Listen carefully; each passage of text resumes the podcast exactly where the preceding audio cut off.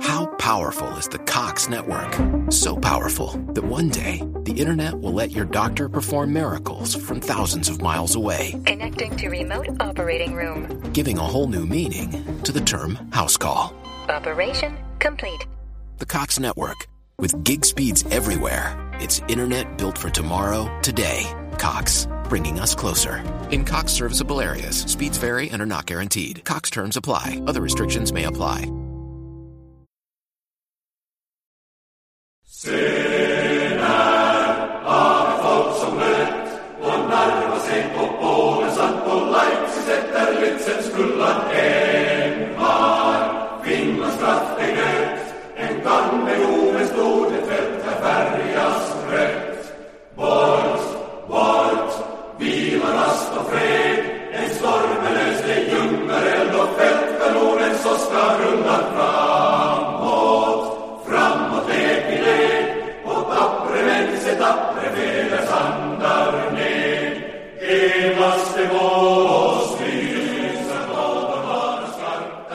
Välkommen till ett avsnitt på gamla och nya stigar om älgjakt, ryss, slakt och götisk tragik i finsk tappning. Ty dagens författare som vi ska behandla heter Johan Ludvig Runeberg. Han levde som de flesta väl vet i Finland på 1800-talet, men han skrev med svensk penna, eller åtminstone på svenskt språk. Så som boende i Finland och en stor poet hyllade han, några verk, eh, hyllade han i några verk det finska folket, särskilt i två av de diktverk vi ska beröra idag. Svenskar både klandras och hyllas av Runeberg i Fänrik Ståls sägner, medan en gammal götisk kung i hans fantasi, fantasi får pröva på det hårdaste av alla öden. Och så blir det lite älgjakt på toppen av det hela. Och för att klara av det här så har jag anlitat en gammal beprövad vandrare och krigare här på stigarna. Välkommen Robin Holmgren! Tjenare Jalle! Ah, hur går det där? Vilket landskap är du i? Eh, Dalarna. Alltså du, du är i Dalarna, okej. Okay, ja. Du är inte i så här, Österbotten eller något sånt och, och måste försvara finnarna? Nej, det är inte Nej. ännu. Men eh, det kanske kanske blir dags att packa ryggsäcken om ett litet tag. ja, ja, ja, du har ju varit i Ukraina. Hur, hur, vet du hur det är där nu? Ja, det vet jag. Alltså, som allt annat så finns ju alltid en, eh, en officiell ståndpunkt och så finns det allt det som man gör eh, i det tysta. Och eh, det är mycket som händer i det tysta. Är det någonting man vet om ryssarna så är det att de är jätteduktiga på att eh, bedra fienden. Just det, de är bra på att förvilla fienderna. Ja, ja men de är ju verkligen det. Och uh vi är ju inte det i, i väst. Vi är ju ganska generellt sett faktiskt eh, dåliga på krig under ganska lång tid nu. Eh, mm. Så att mm. vi är väldigt eh, vi reagerar istället för att agera. Och eh, det, det, skapar ju ganska få möjligheter till eh, seger. Och man ska, ju, man ska ju inte gå på medias bild om att åh, Putin är galen. Jag menar, de gjorde ju samma sak med Trump. Liksom. Alltså, det där är ju bara struntprat. Alltså, det, det finns ju, som i all stor politik så finns det ju väldigt många tankar bakom Undrar hur de var 1808, 1809 ryssarna, om de, var, om de liksom hade samma, jag tror att de har blivit lite bättre på det, då tror jag de var lite mer traditionella i krig. Och det säger jag förstås att det är det krig som Fänrik Ståhl Sägner eh, berättar om. Ja men precis, alltså de, eh, det kanske inte är så många som vet det, men alltså när Ryssland och eh, Frankrike eh, ingick ett eh, avtal om att avsluta sina strider eh, mm. så förbands Ryssland och Alexander den första då, som var tsar då, att eh, anfalla Finland och anfalla Sverige. Eh, mm. Så alltså danskarna och eh, fransmännen eh, planerade ju faktiskt att attackera Skåne.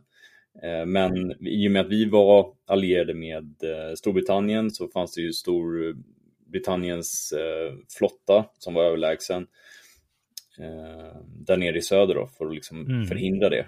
Eh, så att det här var, liksom, det här kriget är en, en väldigt Alltså det är så stora, stor, stora grejer som händer runt om i Europa under den här tiden. Så att det är väldigt trist att vi förlorar halva vårt land. Liksom. Ja, ja, eller en tredjedel om man ser ja. det geografiskt eller befolkningsmässigt kanske. Om vi kan väl säga halva vårt hjärta då. Ja, halva vårt hjärta, exakt ja. ja eh, man, när, man, när, man, när du säger det på det här viset, det är ju en del av Napoleonkrigen, får man ju, får, måste man ju se det som. Mm. Så kanske man inte ska förfäras så mycket över omvälvningen, för bara tänk på alla omvälvande händelser nere på kontinenten. Ja, Tyska verkligen. riket upplöstes. Eh, eh, ja, det är väl stora grejer, men liksom ganska mycket omformationer och även efter kriget då, så det är väldigt sorgligt givetvis, eh, men eh, ja, det är ju vad det är. Ja, jävla fransmän. Jävla, ja, det är fransmännens fel. det är alltid fransmännens fel. Jajamän. Okej, okay. du, du ville ju ta det här med Fänrik Stål och mm.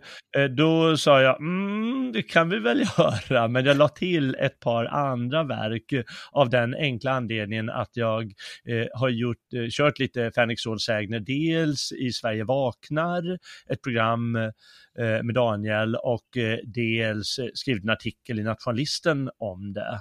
Mm. Och jag tyckte det blev lite mycket att bara köra. Jag tänkte att ja, man måste krydda på lite, lite till, så jag tog två verk till som jag tänkte vi kan eh, säga lite om, om idag. Mm. Nämligen ett som heter Älgskyttarna och ett som heter Kung Fjalar. Mm. Och därför har vi ju den här fina titeln, Älgjakt, rysslakt och götisk tragik. Ja. Eftersom älgskyttarna, det förstår vi att det är, ja, men det är någonting med älgar där och älgjakt och rysslakt, ja, det är väl någon utav, kanske någon utav eh, de här dikterna i Fänrik Stålsägner där det ändå dör lite ryssar. Ja, men precis. Men alltså, det skrivs ju faktiskt om eh, Georg Karl von Döben, så att eh, lite rysslakt är det faktiskt. Mm, mm. Och i Kung Fjalar, där kan jag utlova götisk tragik av värsta sort. Saknas bara mm. en bastu. Vad sa du? Det saknas bara en bastu så har vi ju liksom klarat av hela ha. filmen. du, det här, sånt här program ska spelas in i bastun. Ja. Ja, eh, Johan Ludvig Runeberg, alltså han levde ju, eh, jag vet inte de exakta årtalen, men första halvan av 1800-talet eh, eh, mm. levde han och så lite in på eh, andra halvan förstås. eh, han eh, han var ju inte så finne utan han var finlandssvensk eh, men liksom på väl finsk grund. Jag måste säga att jag kan inte så mycket om honom, jag har inte läst eh, någonting om honom nu och glömt det mesta. Jag var så inne i de här verken som jag tyckte var så bra, Älgskyttan och Kung Fjalar i första hand. Ja.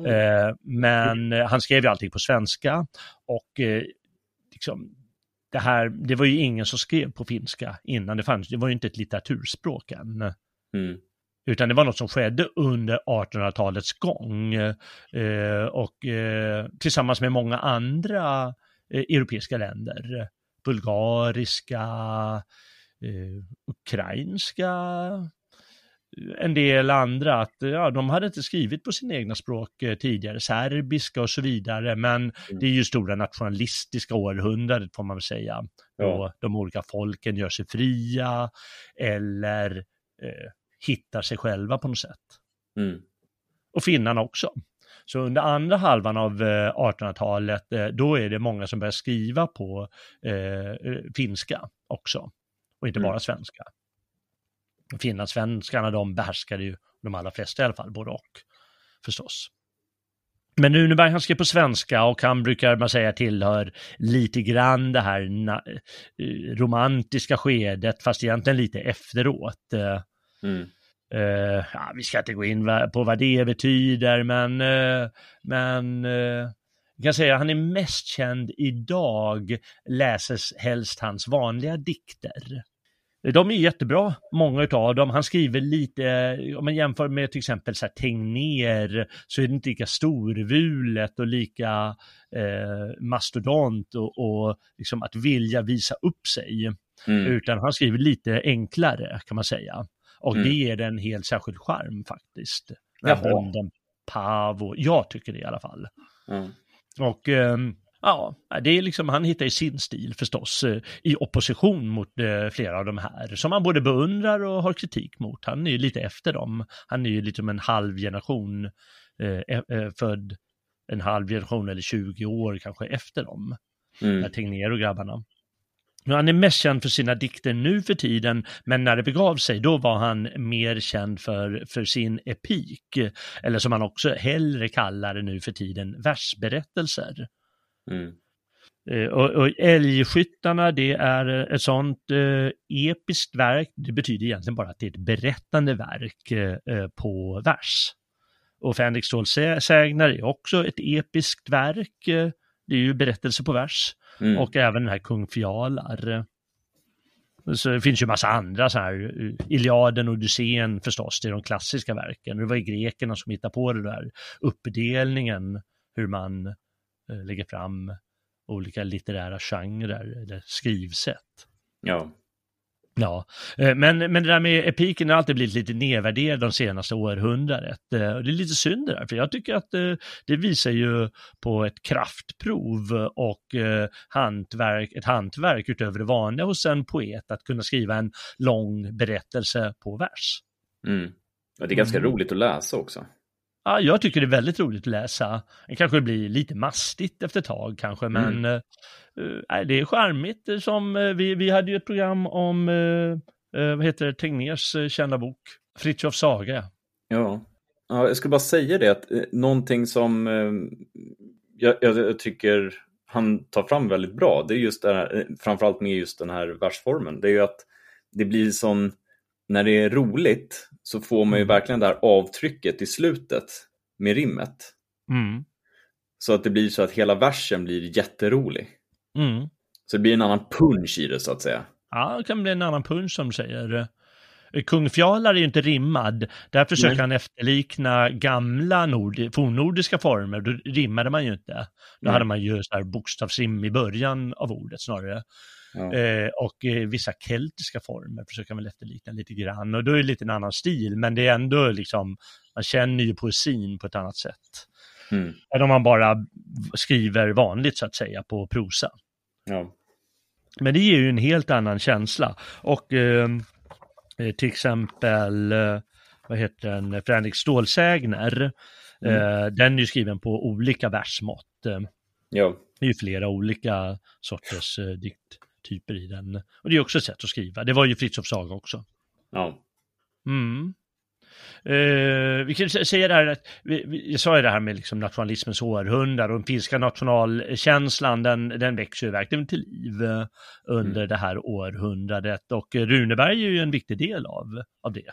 Absolut. Förstås. Absolut, ja. Vårt land är ju deras nationalsång till och med, eller mm. texten mm. till. Och det är det första du läser i rådsägner? Precis, det är inledningsdikten. Och den var ganska stark där, och när det gäller det här kriget. Eh, alltså redan under kriget, eh, som jag har förstått det, var det var ju en hel del finnar som tyckte, ja men vi kan lika gärna tillhöra eh, fin, ryssarna, de är ju inte sämre än svenskarna. Ungefär så. Det som, det som svenskarna hade liksom, tillsammans med finnar, det var ju en gemensam historia i många hundra år det var en, i alla fall en del finnar som tyckte det och som förstås har tröttnat på det svenska. Och det var ingen som drömde sig redan då i början av 1800-talet att de skulle bli ett, fritt, ett, ett eget land. Mm. Men, men senare under 1800-talet var det förstås det, även om man var tvungen att vara försiktig och det, på, det, det, det fanns ju mycket censur. Mm. Och jag läste någonstans Fänrik Ståls sägner Uh, han har ju varit lite hygglig mot en, hel, äh, mot en och annan ryss i den. Ja. Han skriver upp dem och uh, det var ju ett sätt att kringgå censuren givetvis. Så det var man tvungen att, att, vara medveten om när man vill göda den här nationalkänslan samtidigt som man är undersåte till en annan. Ja. Och jag menar, svenskarna hade säkert också censur både i Sverige och i Finland. Eh, tidvis i alla fall, beroende på vilka årtionden under, under 1700-talet till exempel. Mm, och det, det, är en bra lärdom om inte annat i vår egen tid, att eh, oavsett censur så kan alltid nationalismen spira. Känslan för folket består. Mm, det gör det. Och uh, han, uh, Runeberg, han är en av skaparna till det. det är, de är ju fler, det är flera finnar som gör det, eller mm. finlandssvenskar, vad man nu kallar det för. Jag brukar göra det enkelt och kalla dem finnar rakt av allihopa. Ja. Så jäkla noga. Uh, men uh, han är en av flera och ett uh, verk som man verkligen gör det, det är just den här älgskyttarna. Mm den är från 1832 och väldigt charmig tycker jag. Det är en sorts, eh, man kan kalla en folklivsskildring. Mm -hmm. Det var en, en genre som var väldigt populär på 1800-talet. Eh, det här är lite före de blev riktigt populära. Vanligtvis skrevs de sen på, på pros, vanlig prosa, liksom, som en liten novell. Men han har skrivit den på vers då, på hexameter, det mest klassiska av alla versmått. Det som Iliaden och Odysseen är på. Ja. Och eh, den eh, handlar nämligen om en liten händelse under en älgjakt. Eh, eh tydligen någon finne som, någon annan så känd finne, eh, som sa att ja men Kärlek, det, det, det, det tar ju aldrig plats under någon älgjakt, de, de går inte att kombinera. Och så tänkte han att han skulle lyckas kombinera det.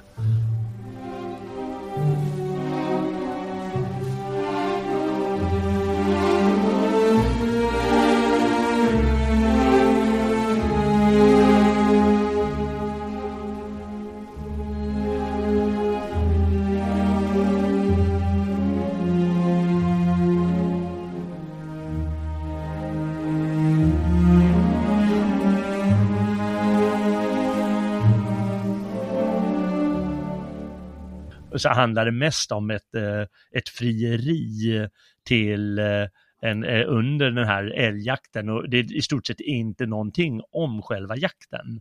Lite förberedelser och så, men ja.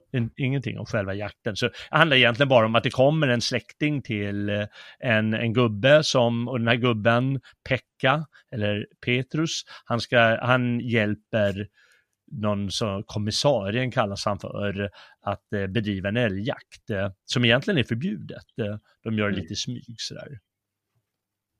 Och, eh, mm. vad sa du? Tjuvskyttar. ja, lite tjuvskyttar. Ja, man måste ju rensa lite. ja. Ja, men eh, då, ja, det handlar bara om det att den här eh, andra släktingen kommer till han Petrus, eh, Mattias heter släktingen, och säger ja, jag ska väl hjälpa med älgjakten.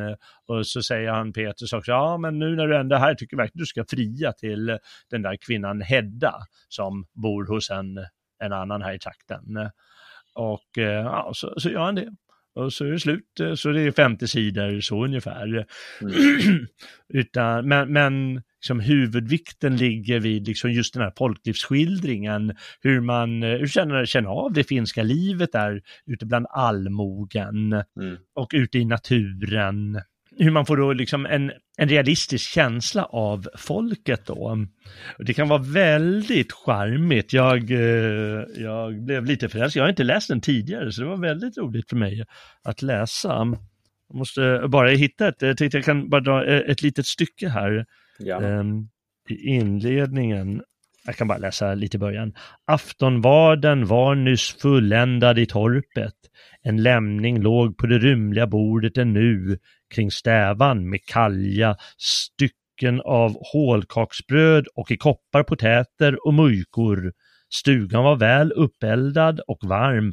Från härden vid ugnen spred den sprakande glöden behagliga hettan och fyllde taket med skyar av rök att pärtornas eh, knappast och slä Eh, pärtorna knappast och släden kunde på sparrarna ses, där lagda de voro att torkas.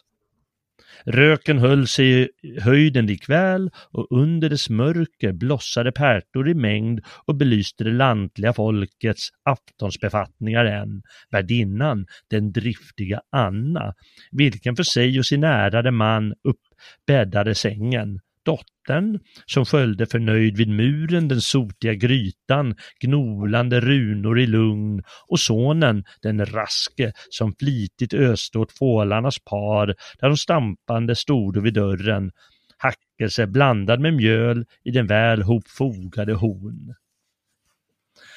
Och eh, det är alltså på sån hexameter och det är ju den gamla hjälteversen. Mm. Det blir ju ganska rolig användning här när det handlar inte om några hjältar utan det handlar om helt vardagliga personer. Men är det inte, när, när man tänker på Finland, tänker man inte på eh, just begreppet allmoge då? Är det bara jag? Ja, jag vet inte. Jag tänker väl på det i Sverige också. Ja, okej. Okay. Ja, jag tänker ja. mer så Finland. Det är så här små torp och... Jo, det är sant att det är... Det är det verkligen. Och faktum är att det, när du säger det så liksom en ganska fattig allmoge. Mm. Med de här ensamma torpen och så vidare som du beskriver. Eh, och bland annat berättas en historia i historien där. Det finns en tiggare som nämligen går omkring och han berättar just hur han blev tiggare. Mm. Eh, väldigt eh, sorglig historia hur det plötsligt blev eh, eh frost och eh, allting, skörden och så sket sig. Och ungefär samma vevar kommer någon och vill ha tillbaka sin skuld. Mm.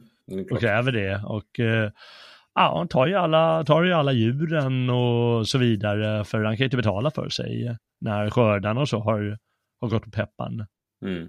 Ja, så blir han, och frugan hon, hon dör och hennes nyfödda barn dör och får han bli tiggare liksom. Det är fan. Ja, Ja, hårt liv. Och just det är tydligen, det var inte ovanligt, det liksom fanns mycket mer tiggare i Finland då, just på grund av de här fattiga omständigheterna och liksom det ligger lite längre norrut ändå än huvuddelen av Sverige. Mm. Och liksom att, ja, blir det frost så blir det frost. Och här är de ute och åker skidor, jag vet inte, älgjakten, det brukar ju vara i, i oktober, november. Ja. Jag vet inte om det alltid har varit så eller om, om här skjuter de i februari, men om vi antar att det är då, då är det liksom, de har ju på sig skidorna och är ute och åker och så för, att, för att skjuta älg. Så det är ju, det är ju snölagt då, om vi antar ja. att det är november. Men det fann, alltså, saken är ju den att det fanns inte så många älgar på den tiden heller. Uh, alltså anledningen till att vi har så mycket älg idag är ju för att vi har så otroligt stort skogsbruk. Så att det, ja, det, finns så jäkla mycket mat. Jo, jo men, men jag vet inte hur det var i Finland. Då vet jag det var inte li, li, riktigt lika uppodlat där. Jag tror inte det i alla fall. Nej, precis. Och just därför lär de inte ha haft särskilt många älgar att jaga, tänker jag. Jaha, jag tänkte att de hade lite mer skog då, om de inte hade odlat upp så mycket mark. Ja, jo, men då skulle ju fälla skogen då. Okej. Okay. Ja, äh, de, de knäpper några älgar, men man får inte följa med på älgjakten riktigt, utan det berättas bara vid sidan om, utan huvuddelen ligger på eh, liksom ganska trevlig skildring av folket, eh, eh sådana här historia till exempel om mm. eh, Eh, hur han blev tiggare och eh, ett par lustiga kall eh, från eh, Karel, ett par karelare som är där och säljer varor och mm. Eh, det låter ju inte som något spännande men jag måste säga, jag, jag tycker det var väldigt, väldigt charmigt. Eh. Mm. De är ju ganska roliga finnarna. Tycker okay. jag. Ja. du tycker de är skittråkiga. ja, men vi tänker dem alltid som lite tillknäppta. Men eh, jag vet jag tycker väl alltid att det... Alltså jag har det... aldrig tänkt på att finnar är särskilt roliga. Det är faktiskt inte. Mm. ja. Nej, jag vet inte, jag tycker att det var väldigt, eh, blev lite uppsluppet här. Morgonsupen här, ska vi ta morgonsupen? Ja, ja, givetvis. Jag måste hitta, jag har bara skrivit sidnumret här. Jag hade så bråttom när jag läste. Eh, här, här står det nu. Eh, de har väl nyligen vaknat och stigit upp och sådär. Och så står det morgonsupen förglömde dock nu den förståndige Petrus varken att taga sig själv eller bjuda sin ärade svågor utan att söpa med lust och toge sig värme på färden. Det där hörde ju till kutym både liksom bland svenskar och finnar och andra på den tiden, att de tog sig ju morgonsup. det låter jättekonstigt. Självklart. Men tror du inte, tror du inte man tänker så att det där låter ju så här typiskt finskt utan att man reflekterar över att det säkert var likadant i Sverige. Tror du inte det kan ha att göra med att vi förlorade Finland 1809 och sen levde de liksom under, alltså som en del av det ryska kejsardömet i över hundra år? Ja, nej, jag tror att den där morgonsupen... Liksom, att man tappar kontakten med dem på ett sätt. Eh, och så har man mm. kvar den där gamla synen på dem. För att de ja. till del hade den gamla kvar under mycket längre tid. Ja. Ja, det är en svår fråga det där. Om du läser liksom Okänd soldat så är det ju också Mm. liksom Finland. Det är liksom kärvt och förjävligt. Ja. det är liksom... Ja, men de är väl lite kärvare finnarna. ja, men jag tror fan det alltså. Så vinterkriget det var ju jag menar, det, det, det gav ju också sin, sin lyster över liksom så här, Mm. det ädla i den kärvigheten liksom. Ja. Jo, men då, det, det är en annan kärvhet där som råder och stämningen i till exempel den här Älgskyttarna. Nu ska man göra Mm. klart för sig att det här är ju, det är litteratur, det är inte Ja. verklighet.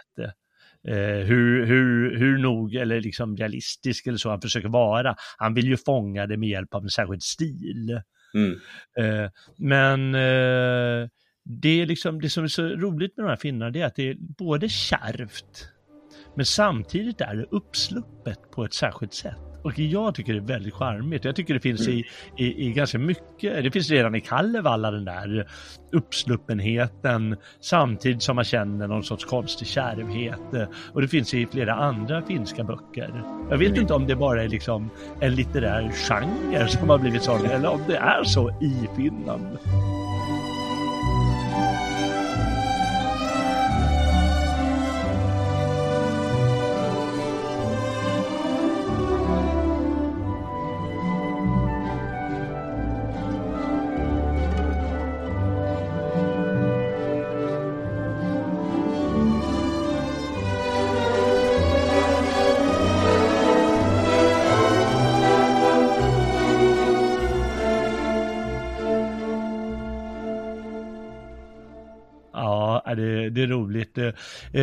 Den är i alla fall väldigt vacker och den är liksom fångar just det här nationella väldigt mycket med den här finska känslan och de här fin, typiskt finska personerna Mm. och finska vanorna.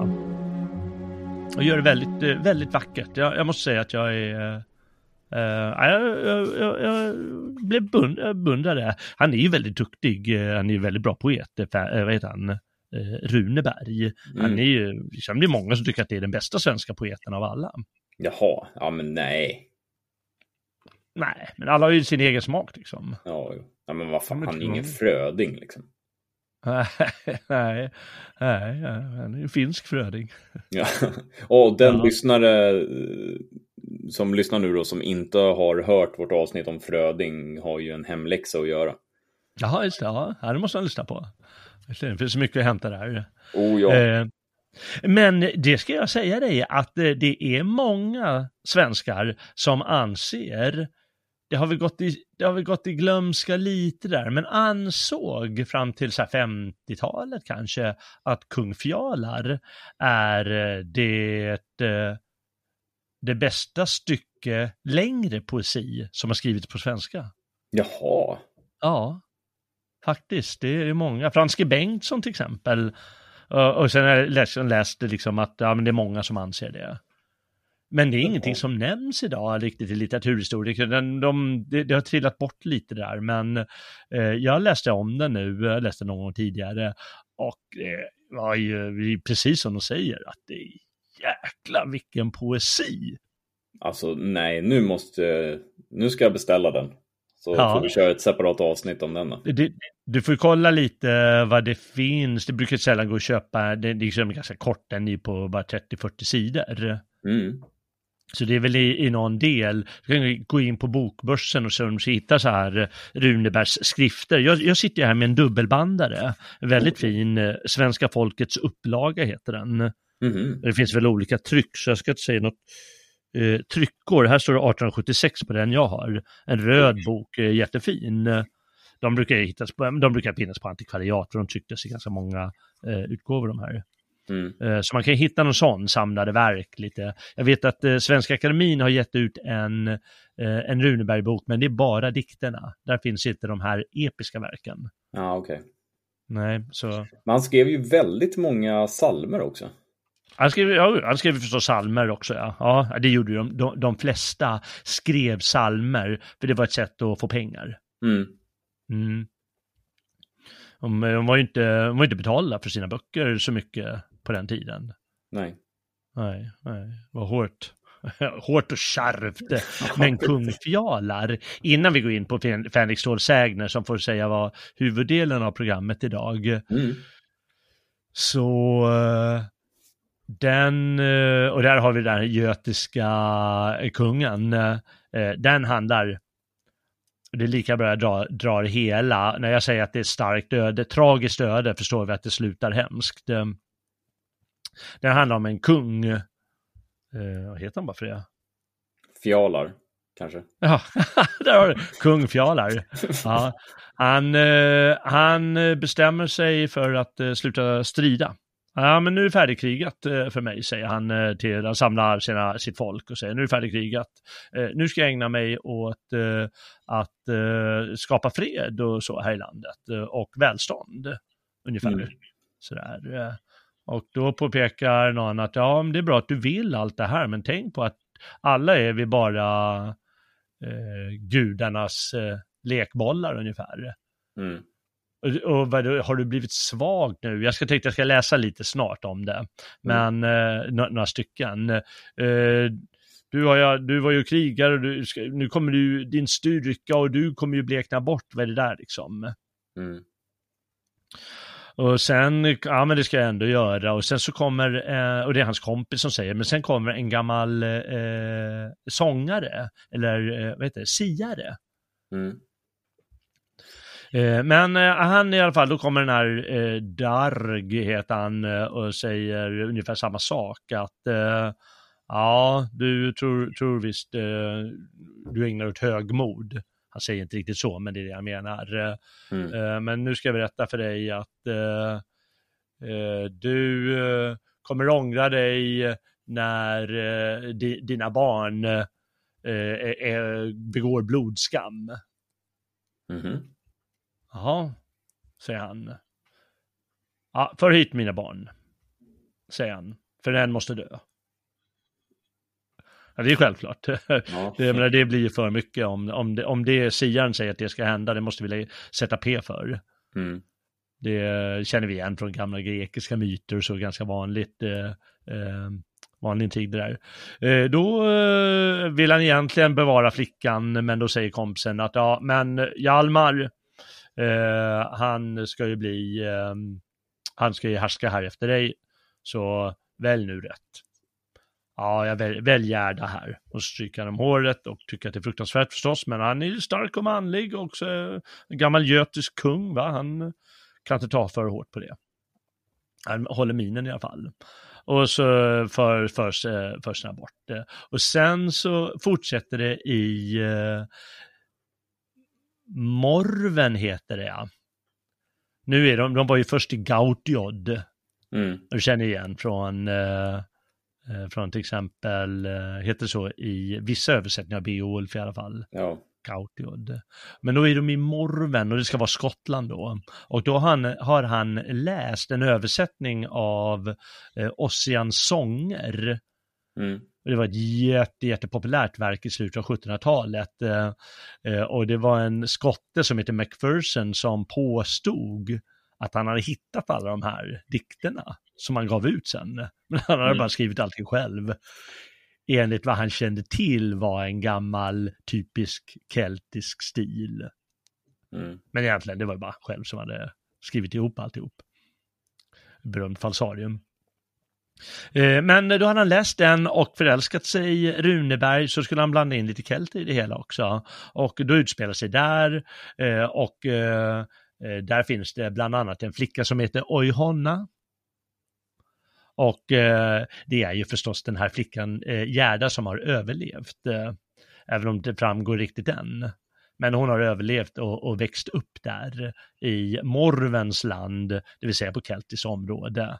Mm. Eh, och han har även tre starka söner eh, som är, eh, en är krigare, en är bågskytt och en är bard. Och så småningom så blir, ja, har Hjalmar också då blivit gammal och han vill ge sig ut på haven. Hans pappa är knasig. Han säger, nej men du ska, vi, vi vill inte att folk går ut på, ja, ja, du får hålla dig hemma för här ägnar vi oss fredens rike nu för tiden. Mm. Och då tycker han att ja, men är helt knäpp, för då kommer jag bli bortglömd och jag är ju ung och eldig liksom. Eh, Jaha, men ta ditt skitskepp. Jag har ett sånt där borta som är mer eller mindre sänkt. Men då reparerar han verkligen skeppet och ger sig ut med ett gäng man. Mm. och så är det lite olika intriger hur både han eh, till slut kommer, hamnar pappan och sonen liksom i, i strid med lite andra och då eh, är han så, han är så arg pappan på att han har tagit de här egna initiativ, sonen Hjalmar. Så han eh, säger att han måste dö. Och ska han döda honom, men misslyckas och döda honom. Och åker hem istället, för han vill göra vad han vill, den jävla Hjalmar. Mm. Och det gör han också. Och åker bland annat till Morvens land. Och eh, då ska han kriga med kelterna, för det, gillar, det gillade vi att göra, vi vikingar, eller hur? Ja, ja. Självklart. Ja. skit ska skit ha. skit skit ja. ja. Ja, Nej, vi var ju på brittiska öarna, brittiska öarna väldigt mycket. Och eh, då kom han dit och krigar med dem. Och eh, någon gång i striden så kom han i, i strid med de här tre sönerna. Och då säger kungen halt mitt i striden. Så här, och då ska alla sluta strida och eh, ni kan ju inte vara tre mot en. För han är väldigt ädel den här kungen. Mm. The Morvens land. Och eh, då, eh, ni får slåss en och en mot honom. Och då så besegrar han de alla tre, Hjalmar, för han är ändå viking. Han är mm. göt. Och eh, därigenom vinner han den här Ojhonna. Oh. Och oh. ja, han vet ju inte om vem det, han vet inte vem det är förstås. Nej, självklart. Nej, självklart inte. Men det vet vi. Och eh, jag ska lika gärna säga hur det slutar, för vi vet att det är trag eh, tragik. Det är ju poesin som är det viktiga, inte handlingen alltid. Han, eh, han kommer hem, och under den här tiden eh, där hemma, precis innan han kommer hem, då har kungen samlat och säger nu ska vi upp på heden här innan jag ska dö. För då vill jag visa mitt rike som jag har ordnat med all den här bördiga åkermarken som jag har lagt grunden till och skapat fred här i riket och, och eh, ja, massa bra grejer. Och då, när han precis, då kommer, då vill han åkalla den här Darg också, den här siaren. Vad var, det, vad var det en sån kallades sa du? Alltså jag vet inte om det någonsin har funnits en manlig siare, men jag skulle bara kalla det för en blodgode. Eller en gode. Ah, en gode, ja. Den här goden säger vi. Eh, Darg. Då kommer hans vålnad. För han har, han har, han har dött, eh, liksom. men han har ju räddat det här flickan mm. från döden. För hon skulle ju bara kastas från en klippa, men då har han lyckats eh, rädda undan henne. Och så har han eh, ta, eh, ja, liksom bara förlist med sitt fartyg utanför Morven eh, hos skottarna. Och då, eh, då kommer hans vålnad, för han dör sen. Då kommer hans vålnad tillbaka och så säger han, eh, ja men innan du skryter om hur bra det har blivit så tycker jag att du ska tänka på, tycker jag att du ska avvakta för jag vet att Hjalmar, din son, är på väg och höra vad han har att säga. Mm. Och så kommer, kommer Hjalmar och eh, säger eh, ja, far, blodet på mitt svärd, det är din dotters som jag har ja, haft blodskam med utan att veta det först. Men vi blev ju förälskade då och ja, hej och hå. Men när, när han uppdagade då blev det ju så liksom. Och hon vill väl själv dö. Mm. Och eh, så dödade han sig själv framför faderns eh, ögon. Och eh, gubben han blir ju, sitter helt tyst länge och sen så gör han samma sak med sig själv. Mm. Och så var det slut med kung Fjalar. Och det, ja, det är ju... Deppigt, hörru. Vad sa du? Det där var ju deppigt. Ja, deppigt men jäkla stark poesi alltså. jag, vet, jag tycker att det är, alltså det är ett vanligt mytiskt tema. Vi har ju mm. kung Oidipus och vi har, det, det, det är inte ovanligt det där. Nej. Mm. Eh, och eh, det som gör det så starkt, det är den, den stil han, eh, han, han kör. Och stilen är så här, jag läste första strofen bara, första lilla delen i hela eh, verket. Satt hög och sin konungastol, hugstore fjalar, Gautjods kung, hans blick klarnade vunna segrars fröjder, skimrade ung än under hans silverhår. Så jag har den här kärva Mm. fornnordiska stilen. Verkligen. Ja, och den går ju igenom stora delar av den. Och ibland så när de är i kelternas land, då har han lite mer eh, fin, eh, böljande, böljande, eh, inte böljan, men lite finare, lite finare stil. Men det är fortfarande den här gamla, kärva, kraftfulla, eh, förtätade poesin. Mm. Och det är en jäkla effekt när det är så ödesladdat.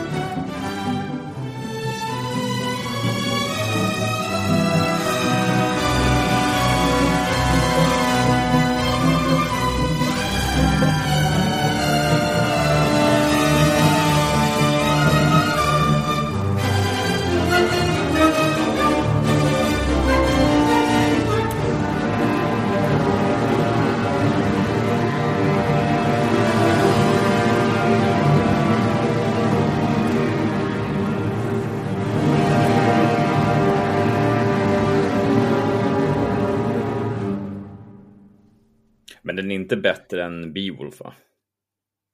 Ja, det är ju annorlunda. Ja, det är ju annorlunda. De är ju så annorlunda. Den är också väldigt kraftig, Beowulf. Ja. Ja, eh, den har, ja, jag vet inte, jag kan inte jämföra dem åt, men jag, jag förstår de som tycker att det här är så jäkla bra poesi. Mm. Det här är liksom bästa poetiska verket av lite längre kaliber då, inte bara en dikt utan av längre kaliber som skrivits på svenska. Det finns de som tycker att det är jätteirriterande, de gillar inte temat. Ja, okej. Tycker det är för deppigt eller för, ja men vad är det för, ah, så här kan man inte hålla på. För blodskam. Och göra så vacker poesi av det, det är väl det de reagerar på. Mm. Men tänkte jag kan ta eh, någonting, vi måste ju nästan ta det här på slutet innan vi går över till Fänrik Ståls sägner bara för att höra det kraftfulla eh, när han, eh, när det uppdagas allt det här. Och eh, då säger han, eh, de har kommit upp på heden och Hjalmar, han har, han har kommit tillbaka. Ska se om jag hittar rätt här. Ehm, och då säger Hjalmar till sin far, Fader, vet du vad det är att älska? Har du famnat en fröjd en gång, ljus som himlen, yppig och rik som jorden och som båda blommande utan gräns? Och då vill han ju beskriva liksom att han har hittat kärleken eh, verkligen. Och eh, eh det var bara ett exempel, men, men vi ska ta precis på slutet. Eh, just det, hon har berättat, han berättar för sin far hur han har liksom kommit över den här Oj Honna, som egentligen är hans syster. Eh, och eh, då har hon eh, berättat hur hon drömde, för hon har förskjutit de här tre kungasönerna, hon vill liksom inte ha någon av dem. Mm. För hon tycker inte de duger, utan hon har väntat på att en hjälte ska komma. Och då har hon berättat liksom hur, eh, hur, hur han då kom och hon, hon tyckte det var så underbart. Och hon har berättat att hon bara är ett slavbarn antagligen. Men sen så pusslar de förstås ihop och kommer fram till hur det ligger till, hur fruktansvärt det är. Men då har hon berättat lite och då berättar han för fadern Hjalmar här på slutet. Eh, så hon talte när hon har berättat de här sakerna. Blekna ej och fader, hennes blod på mitt svärd du ser. Morvens mö och i honna, min brud på havet, var din dotter kung och min syster var. Dö hon ville, dö för mig. Jag bringar hennes hälsning. Han teg. Hans stål sågs eh, en djungeld likt i hans barm sig gömma och han sjönk på klippan i dödens ro. Stunder efter stunder flydde. Dagen mätte stilla sin vandringsban som han suttit stel som en stog på gravar, satt orörlig, tigande fjalar kvar. Det är inte många rader då han hinner berätta det här Mm. och sen så hugga sig själv i magen. Och sen den här bilden av den stelnade fadern, kungen som tror att han har trumf på hand. Mm. Och bara få uppleva det värsta han kan. Han tror att han har övervunnit ödet. Och så säger han precis på slutet då hur, eh, eh, hur säger han, vad är människan? Att mot er hon stormar, mot gudarna alltså. Stjärnor like, i onöd rymd ler ni genom molnen av jordens öden, de i leken fläkt av er vilja styr. De styr där uppifrån leende, de bryr sig liksom inte om människoöden. De gör mm. konstiga grejer. Men vi tror ju att vi gör coola grejer, och smarta grejer, och bra grejer, och fattar inte att det blir fel. Mm. Och så precis på slutet, jag har lärt er känna, guden alltså, ej jag blyges att mig böj, eh, böja för er en gång. Mätt jag är på livet och jordisk stor, storhet är mig ringa vorden. Jag går till er. Så han sade, om svärdet stilla skaran runor i ärrigt bröst. Hjärtats källor brusade fram ur djupet, varmt med Hjalmars blandades faderns blod. Sommarns kväll låg klar och ljus på Norden, lugn sig bredde kring land och hav, bortom skogen dolde sin strålflod solen, och likt dagen slocknade Fjalar kung.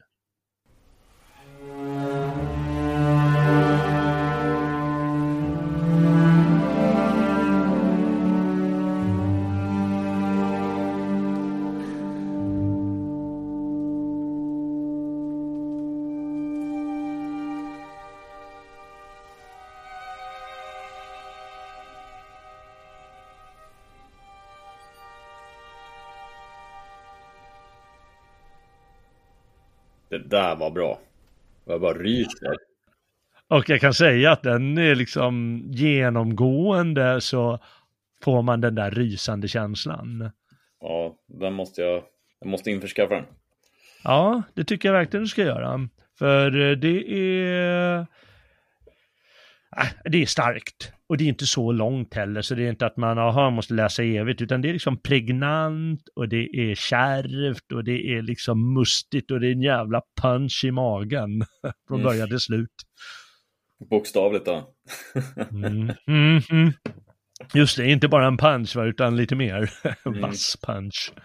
Ja. Ja, den, den är cool i alla fall. Eh, han har använt lite olika versmått och den har förstås jämförts med Fritjofs saga.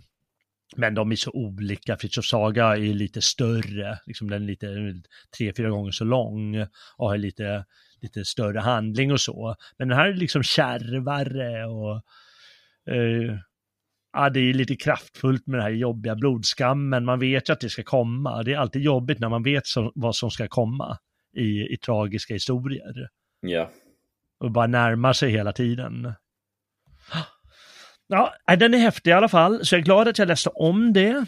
Men jag är glad också att vi ska ägna lite tid åt Fänrik Ståls sägner. Jajamän. Ja, och varför ville du uh, ta den? Varför ville du att vi skulle uh, ägna oss åt den då? För att det är en klassiker. Ah, ja, ja, ja, det är klart. Mm. Och uh, ja, den, den fanns i bokhyllan så det var ju rimligt och bra. Ja. Ah, ja, ja, enkelt. Ja. Levde den eh, upp till förhoppningarna? Ja, vissa, vissa stycken absolut. Um, jag, jag, tycker allmänt att sådana här eh, verk är intressant att läsa, alltså bara för att ha läst dem. Mm. Um, det är ju ändå, jag menar när man läser, när man öppnar boken och så läser man, vad ska vi säga, Ja, nu ska jag... Det här är det första jag läser. Mm. Vårt land, vårt land, vårt fosterland. Ljud högt och dyra ord. Ej lyfts en höjd mot himlens rand, ej sänks en dal, ej sköljs en strand. Mer älskad än vår bygd i nord, än våra fäders jord. Alltså då vill man ju, då vill man ju läsa mer. det vill man definitivt. Vårt land, vårt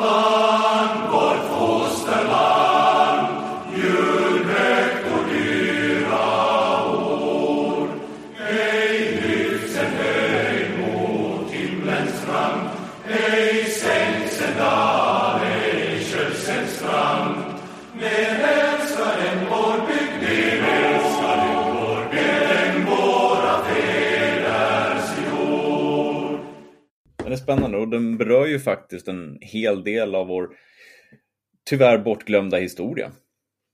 Ja, men det gör den verkligen. Eh, Vi sa ju det, 1808-1809 års krig, då Finland förlorades. Eh, Mm. Och eh, jag, ja, jag, jag läste lite om det där nu. Alltså, det vet vi alla, att, och det känner du givetvis, att han idealiserar ju väldigt kraftigt förstås Självklart. Runeberg. Självklart. Ja, eh, och eh, det är förstås, hur ska man hantera sånt där? Ett sånt, ja, ett sånt misslyckat krig, eller vad ska vi kalla det för, eh, i, ja, i, i sån episk form, i poetisk form. Det blir ju svårt, så det blir liksom väldigt stor kontrast mellan vad som verkligen hände och den idealism som han målar upp. Ja, han ägnar sig ju framför allt att hylla finnarna. Och Mm. vårt land är förstås vårt finska land ja.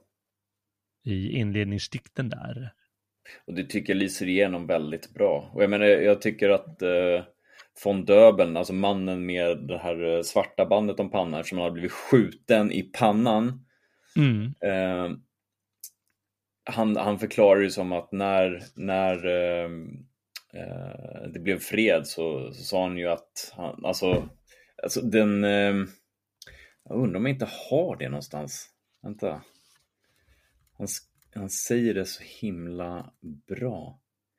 Finnar, vid denna fred förloras tredjedelen av svenska kronans område. Sverige förlo- förlorar den stolta finska nation, sitt kraftigaste stöd. Ej nog därmed, svenska armén förlorar kärnan och betydligaste delen av sin krigsmakt. Moderlandet är krossat, försänkt i sorg och saknad över oersättliga uppoffringar.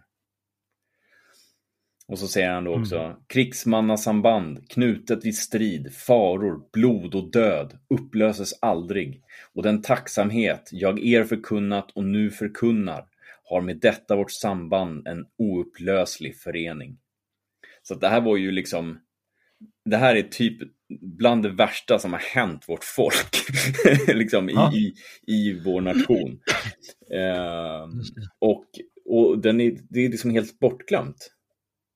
Ja, jo det är sant, det är bortglömt, det är jättesorgligt det där. Det är ju den, eh, jag vet inte, det är väl, eh, jag tror inte det är att det förnekas, utan det är snarare att liksom efterkrigstiden, det blev någon sorts glömskans tid när man ska bygga det nya, moderna samhället. eh, Ja. från scratch mer eller mindre. Riva ner klara kvarter och ma- liksom, det är inte bara i Stockholm utan det händer på många ställen runt om i Sverige och bygga nytt eh, ful, Mm. med ful, eh, ful arkitektur alla Le Corbusier. Ja men det är ju som, alltså von Döbens eh, historia är ju liksom, det, det går ju precis samma nivå. Jag menar han, han hyllas som en krigshjälte och sen dör han Mm. liksom fattig. Alltså Mm. det, det, det, det är så typiskt för den här tiden alltså. Ja, det är det. Men det är ju en fantastisk syn. Alltså det som är så bra med det här verket, det är väl att han, han, han gör så fantastiska scener. Mm. Det och porträtt och liksom de verkligen etsar sig fast. Han, han hade ju alltid den här eh, pannbandet på grund av den här skottskadan i, i, i huvudet eh, Mm. eh, från Döben, eh, eh, tydligen. Eh, Så liksom bara redan där att han lyckas måla upp den bilden av den här trotsiga, och det, det är väl i Döben vid Jutas, så heter dikten, Ja, som han, han ligger helt skadad. ja. Ja, oh, vänta, jag har, nu, nu du vet det. Nu, nu kör vi igång. Jag, jag, håller, jag håller då. Ja, det får du. Ja. Jag vill, jag skall bli frisk, det får ej prutas. Jag måste upp om jag i graven låg. Lys, hör, ni hör kanonerna vid Jutas, där avgörs finska härens återtåg. Jag måste dit, förrän min trupp är slagen. Ska vägen spärras, Adel, Adlerkreutz blir tagen. Vad blir, du tappra här, ditt öde sen? Nej, doktor, nej. Tänk ut en sats, min herre, som gör mig för imorgon sjufalt värre, men hjälper mig idag på mina ben. Mm. Det är- Åh, alltså, nu, nu Det är jag igen här. Och det, det som är extra roligt och där, där han får fram liksom det här liksom starka karaktären, alltså det är att han, det, han kastar väl ut prästerna först. Det. Ja, precis. Det är präster som liksom ska, ja ah, men vi ska hjälpa, eller du håller på att dö nu så nu ska du liksom göra sista smörjelsen, Så bara kastar han ut dem och säger ropa på, på doktorn för guds skull. Ska doktorn komma dit? Och han lägger fram, häller upp en massa dekokter som man ska ta för han tror att han, han vill mest i, eh, långsamt bli frisk eller något sånt. Och så inser doktorn att, jaha, du vill ut och slåss imorgon. Och så bara vevar, tar han bort alla flaskor och så kommer jag inte ihåg hur han, om han smetar på lite salva eller, eller Mm. vad han gör. Men får honom på benen i alla fall så han kan genomföra en dags eh, plikt. Precis, och det, det finns så, så bra skrivet här. Men Döben red längs fronten av sin skara, sen han den åter stark och tryggad fann.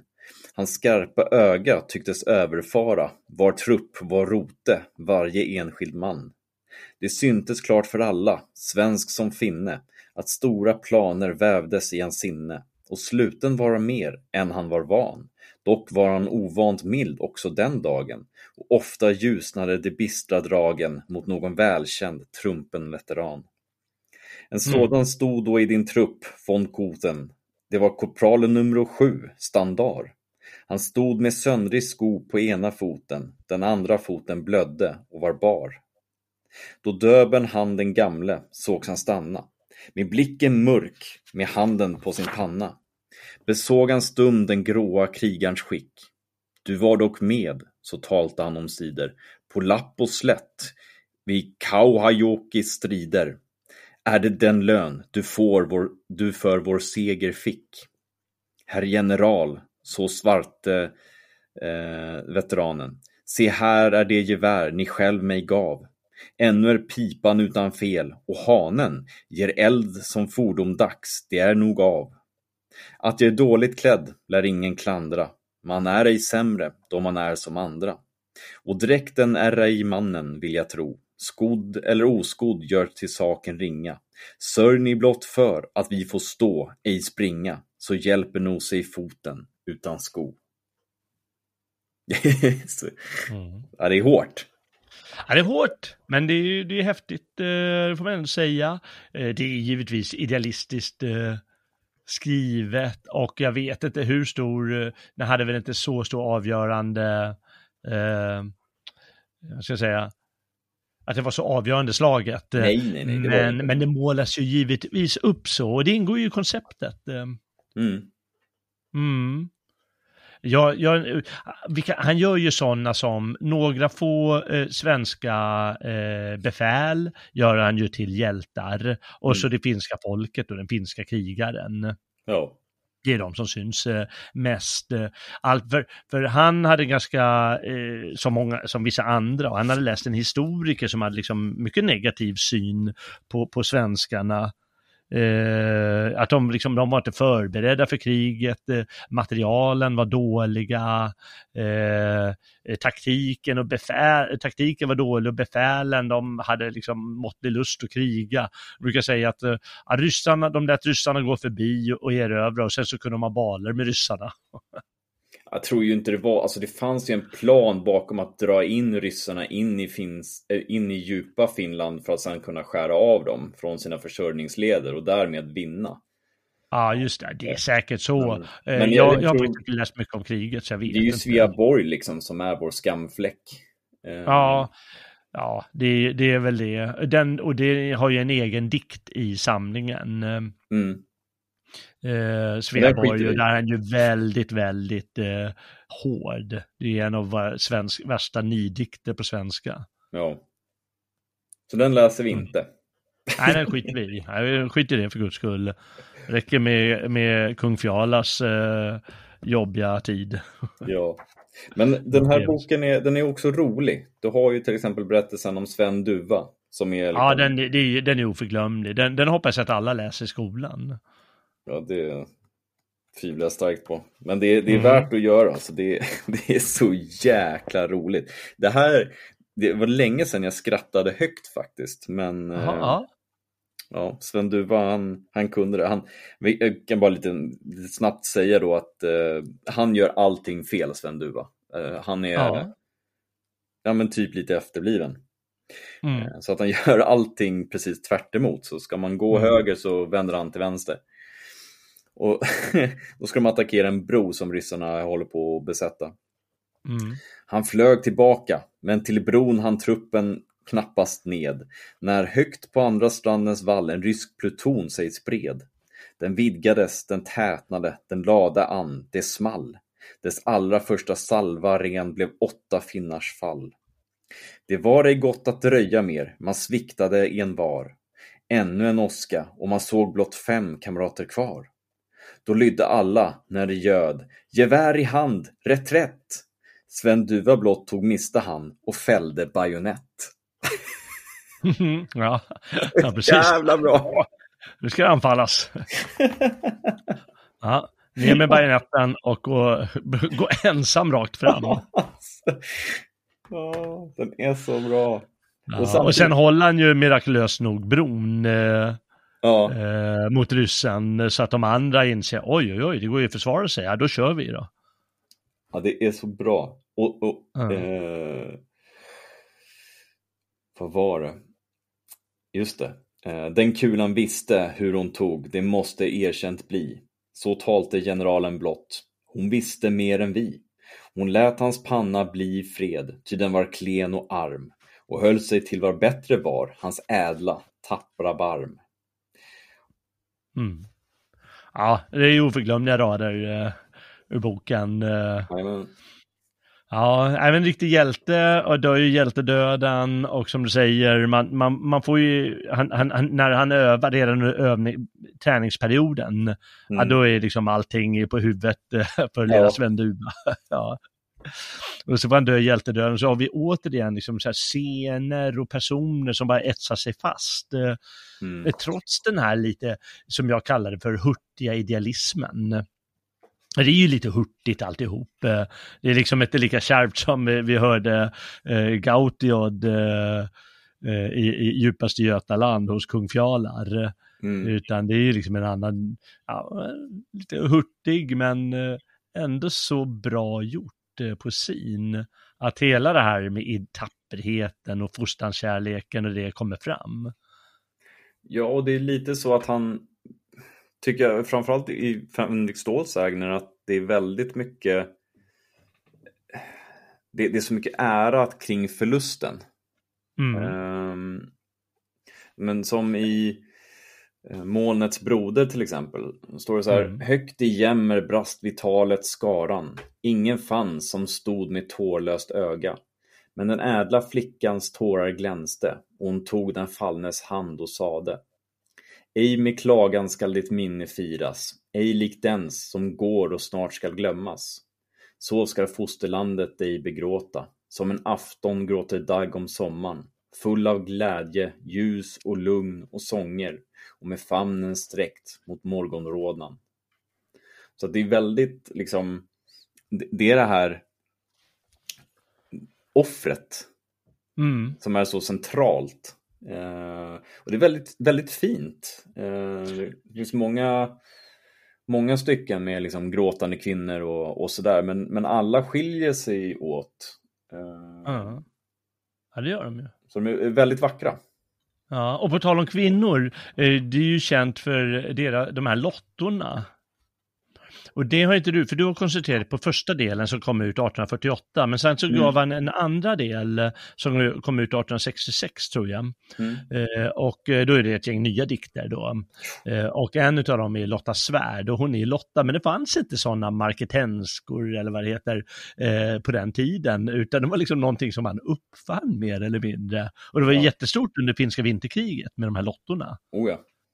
Mm. Men det är också återigen en så idealistisk eh, bild man lägga fram av hur flickorna blir fosterlandskära också och gör, gör det bästa.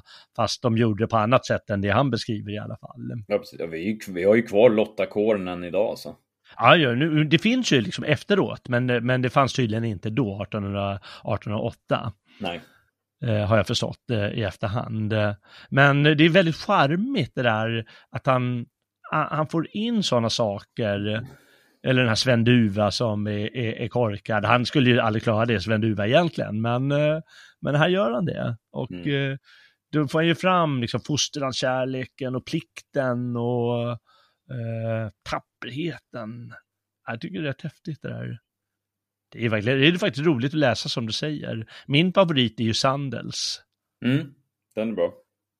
Den är bra. Det är ju, eh, jag vet inte om jag läst det tidigare, men eh, den, den dikten handlar ju om hur eh, ehm, de, de kommer och säger, ja ah, men du, nu måste vi ju ut och slåss, ryssen är ju där redan. Eh, han, det, det, hör du inte hur det börjar smattra? Och sitter han och äter frukost så här. Nej, men jag äter frukost här, stör mig inte. Och då ryktas det fort att, jaha, men han är feg, han vågar inte. Eh, Men sen så när det väl gäller, jaha, ja, nu är klockan slagen, nu är jag färdig med frukosten, då går vi ut slott. Sätta sig på hästen och struntar, att, eh, struntar i att flyg, vet du, kulorna viner runt honom. Mm. Det är väldigt eh, häftigt beskrivet, eh, eh, poetiskt och så. Och så vinner de väl något slag eh, Ja. där. Och tydligen så ska tanken ha varit att ryssarnas eh, eh, klockor gick en timme efter ja, ja, ja. de svenska. Och då har han sagt att ah, men vi kan inte börja striden utan ryssarna. Va? För de, vi kan inte liksom ha ett, en, för, en timmes fördel och, och förbereda och så vidare, utan nu ska det vara jämnt på slagfältet. Så när den klockan är det, då, har jag, då, då går vi ut. Ja, roligt. Ja. Ja, det faktiskt roligt. Och den, eh, ja, då får de ju ångest och få äta upp sina ord att eh, han skulle ha varit feg och så vidare, utan han visar var skåpet ska stå. Sandels. Ja. Ja, vilken tycker du är bäst av alla dikterna? I den första samlingen i alla fall, den som du läste. Oj, nej men det, det är svårt alltså. Eh, Jag Ja. kan nog inte påstå att jag har någon favorit. Jag, jag tycker det är så många som är bra. De, de, de står i sitt eget majestät tycker jag. Eh, Mm, Så att de, det. det, blir en helhet när man läser dem. Eh, Mm. Så jag kan inte välja ut någon som... Det var ju en som heter Torpflickan som, som jag som fastnade för, men det har mer att göra med mina egna upplevelser. Ja, okej. ja. Eh, Som liksom, ja men förde nästan en tår till ögat. Eh, Ja, Men ja. det var den som slog hårdast. ja, just det, okej. Mm. Jo, ja, de, de, är många som är bra. Jag tycker den här Vårt land, inledningsdikten, är, är väldigt bra. Ja, oh ja, oh ja. Och eh, Döben vid Jutas förstås, jag tycker jag är, är fantastiskt liksom. Den här, han är ju fritänkare, Döben. Mm. Men han inser ändå att liksom Gud har hjälpt honom i segern. Ja, jag tycker det är också väldigt kraftig. Särskilt den första samlingen, den är lite mer känd. Det är fler kända nummer i den första samlingen. Så om man ska läsa, så man kan nöja sig med första, man måste inte läsa liksom alla. Eh, det kan man läsa vid ett annat tillfälle. Men eh, om man nu, ja, man får nog läsa några, då kan man ju faktiskt läsa den första delen. Ja, alltså ska, ska, man, ska man köpa den så, jag har ju, ska vi se vilken variant är det här då? Jag har ju den med alla bilder. Det är 80 Ja, just det, men- illustrationer. Eh, Just det, det vill man gärna ha de illustrationerna, de är väldigt bra. ja, Jag har också en samling här. Jättevackra bilder. Mm, Eh, eller det är typ kopparstick. Just det, det är det. Men alltså då kostar alltihopa, jag, jag tror jag köpte den för typ 40 spänn eller något på bokbörsen. Så att det är ju, Ja, det är ju inga pengar. Nej, nej, nej, det, det går att hitta, det finns så många, eh, det finns så mycket, så det går att hitta billigt. Eh, Ja, ja, och då får man ju också en, en, riktig, en rejäl dos nationalism. Lite överdrivet idealistiskt som sagt, men ändå, ändå eh, häftig. Och det är rätt häftigt att den slog ju väldigt, väldigt kraftigt då. mm, Alltså det här var ju det som skolbarnen läste i hundra år. ja. Till, eh, eh, efter, fram till efterkrigstiden, fram till 50-talet. Eh, Mm. Det läste ju mer eller mindre alla skolbarn tvingas ju på det där. Inte alla som tycker att det är så häftigt, men det är ändå bra att de får sig lite sånt. Och då får man ju klart för sig att eh, det, det här kom ju samtidigt som skandinavismen och studentrörelsen, när eh, det var unga män, de, de ville ut i krig. Mm. Det var det de ville. Fascinerande tider. Nu vill ju ingen ut i krig. Ja, tala för Men då själv. ville alla ut och, och slåss för fädernelandet. Ja, men då fanns det väl kanske lite mer att... Eller det fanns väl inte mer att strida för då, men jag tror att det, det var liksom... inte lika många trappsteg för att ta sig runt. Jag menar nu, det kommer jag ihåg själv liksom, fan alla, eller jag hade en massa kompisar som drog till, ja vad var det, men Afghanistan och inte Mm. Mali, det här var innan, så det var Liberia och sådana Mm. ställen. Och det var ju liksom, grejen är, det handlar inte så mycket om ja, nu måste vi liksom rädda fosterlandet. Det handlar mer om att nu vill vi ut och, och strida, liksom, veta vad man går för. Det är ju det som allt, Mm. alltså, det är det man vill. Ja, just det. Jo, man vill Eh, pröva men- sig. Pröva, sig Ja, pröva. men i, i dagsläget så är det så jävla få människor som ens är intresserade av att, att se hur långt de kan gå. Så då blir det det här liksom, ja men det här själlösa jävla idiotsamhället liksom, där allting handlar om Mm. eh, utsida och noll insida liksom. Det spelar roll Ja. hur många Ja. rutor du har, eh, hur stora dina tuttar är, men, men det spelar ingen roll liksom hur ärofull du är eller hur, hur, Ja, eh, det. hur din pliktkänsla ser ut eller hur... Eh, Mm. Det handlar Ditt mer om hur mycket du tjänar, liksom, hur mycket deg du drar in och Mm. inte alls vad du faktiskt spenderar på Mm. för ett högre syfte då. Ja, det. Eller med en ideologisk ståndpunkt som grund.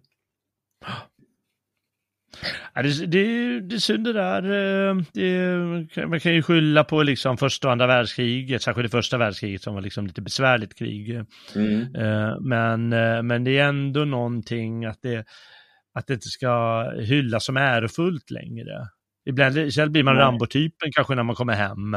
Jaha, du har varit ute i krig, vad är det för konstigt? Vad är du för en konstig typ? Ja, men precis. Och, det, och så är det Ja. alltid så här, ja, hur många har du dödat? Man bara, okej, Ja, just det. hur många gånger tar du den i röven? Alltså det är så Ja. här, Exakt. man kanske inte ställer frågan liksom. Nej, Men, Ja, men det är ju så när man är så frikopplad från den typen av kamp. ja. Ehm, så att, ja. Ja, Nej, Nej, det går ju inte att råda bot på. Du, de, de blir inte bättre av att läsa Fänrik Ståls sägner får man ändå säga, men de kan göra det ändå tycker jag, folk. Ja, men jag, jag tror att det, det är viktigt att läsa den just för att få sitt, sitt sammanhang i, i folkets historia. Det Ja, här det är var det, någonting ja. som påverkar oss otroligt mycket, så pass mycket att Mm. eh, sossestaten har gjort fan allt för att ta bort det här ur, Mhm. ur kunskapskällan. Ja, Så precis. att, Ja, det är eh, många var som inte vet. boken och läs den. Ja, ja, verkligen. Och när du säger det här med folkligheten, att eh, den heter Fänrik Ståls sägner, just för att det är en gammal fänrik som berättar för några unga människor hur det var i kriget. Mm. Och då är det liksom meningen att de här sångerna ska vara han som berättar ungefär, även om de är fristående, eh, så är det det som är ramhistorien. Ja. Och det är ju det, ja men det här får vi inte glömma bort. Nu ska jag berätta för er. Mm. Och det gäller idag mycket mer än 1848 förstås. Oh, ja. Ja. Ja, nej, bra sagt. Eh, Köp, eh, köp det här och läs det och eh, jag tror att jag, jag har planer på att ge ut lite sådana grejer själv så läsa in det kanske också. Det Ja, kanske kul. hjälper. Mm. Jag ska se vad jag lyckas med. Eh, ja, nej men då får vi väl vara nöjda med idag. Nu har vi, nu har vi lyckats med lite älgjakt och, och lite, eh, vad heter det, rysslakt och lite Ja. götisk tragik. Äntligen! Ja, jag vet inte vilken del du tycker är bäst, rysslakten eller älgjakten. alltså, nej, alltså, nej. Jag, jag tycker verkligen om poesin.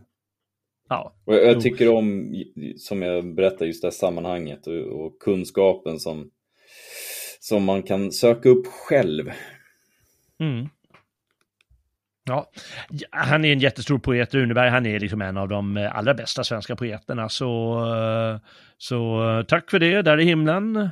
Eller i den finska myllan, eller var det ligger, Runeberg. Stort tack. Och eh, Robin, Ja, varsågod. stort tack för din medverkan. Det var så lite som. Ja, nej, det var bra förslag och det var, ja men eh, vi, vi, vi gjorde kanske inte gick in på djupet, men eh, vi tyckte vi berörde några grejer i alla fall som var intressant. Så ja, tack för det. Nemas problemas du. Och som avslutning bjuder vi på de stolta ord och sköna toner som inledde dagens marsch, nämligen Björneborgarnas marsch, en av dikterna från den andra samlingen av Fänrik Ståls sägner. Söner av ett folk som blött på Narvas hed, på Polens sand, på Leipzigs slötter, Lützens kullar. Än har Finlands kraft ej dött. Än kan med ovens blod ett fält här färgas rött.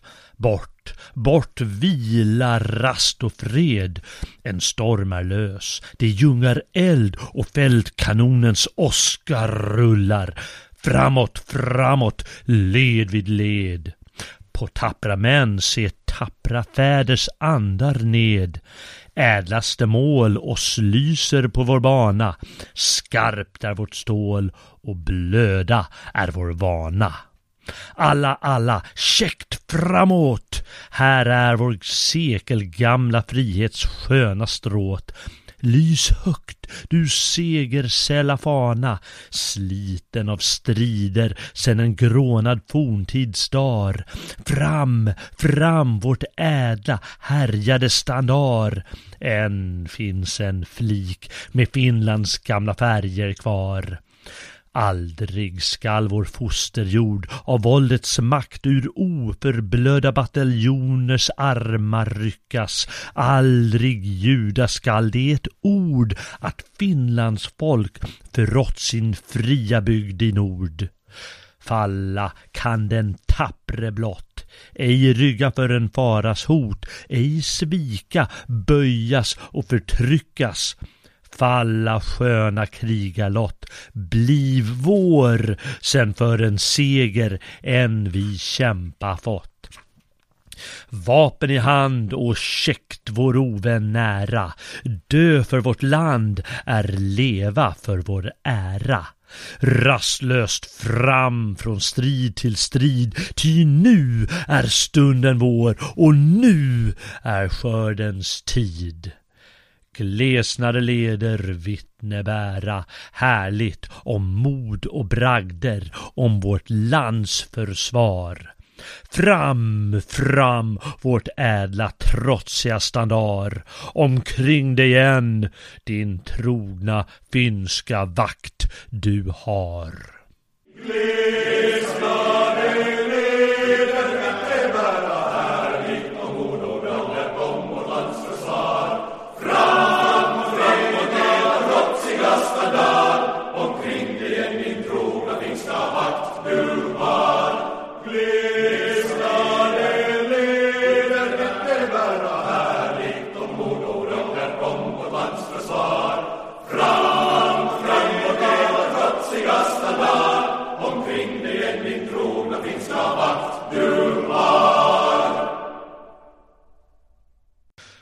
Falla kan den tappre blott.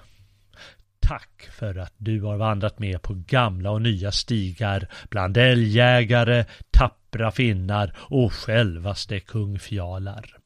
Nästa vandring går åter i Ernst Gynges fotspår då jag och Lennart Svensson ska hugga in i boken På marmorklipporna, en av 1900-talets stora romaner. Missa för allt i världen inte det. Glöm heller inte att du kan stödja Svegos arbete genom en stödprenumeration eller en donation. Gå in på svegot.se och klicka dig fram där för att se hur du kan ge ditt bidrag till ett fortsatt starkt svenskt folk. Det är frivilligt men stödprenumeranter åtnjuter särskilda bonuspoddar som privilegium för sitt stöd. Jag riktar ett stort tack till alla stödprenumeranter och donanter om nu det ordet finns. På svegot.se kan du också se alla våra radioprogram och artiklar och höra dem också. Ett sätt att hjälpa vår verksamhet är att sprida våra program. Då bidrar du till ökad kunskap om viktiga och intressanta ämnen, allt från svenska och finska, poeter av högsta rang till vår tids politik sett ur nationell synvinkel. Jag heter Jalle Horn och tackar för mig för den här gången. Väl mött Frände.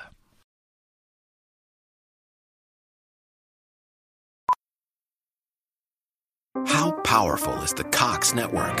So powerful that one day the internet will let your doctor perform miracles from thousands of miles away, Connecting to remote operating room. giving a whole new meaning to the term house call.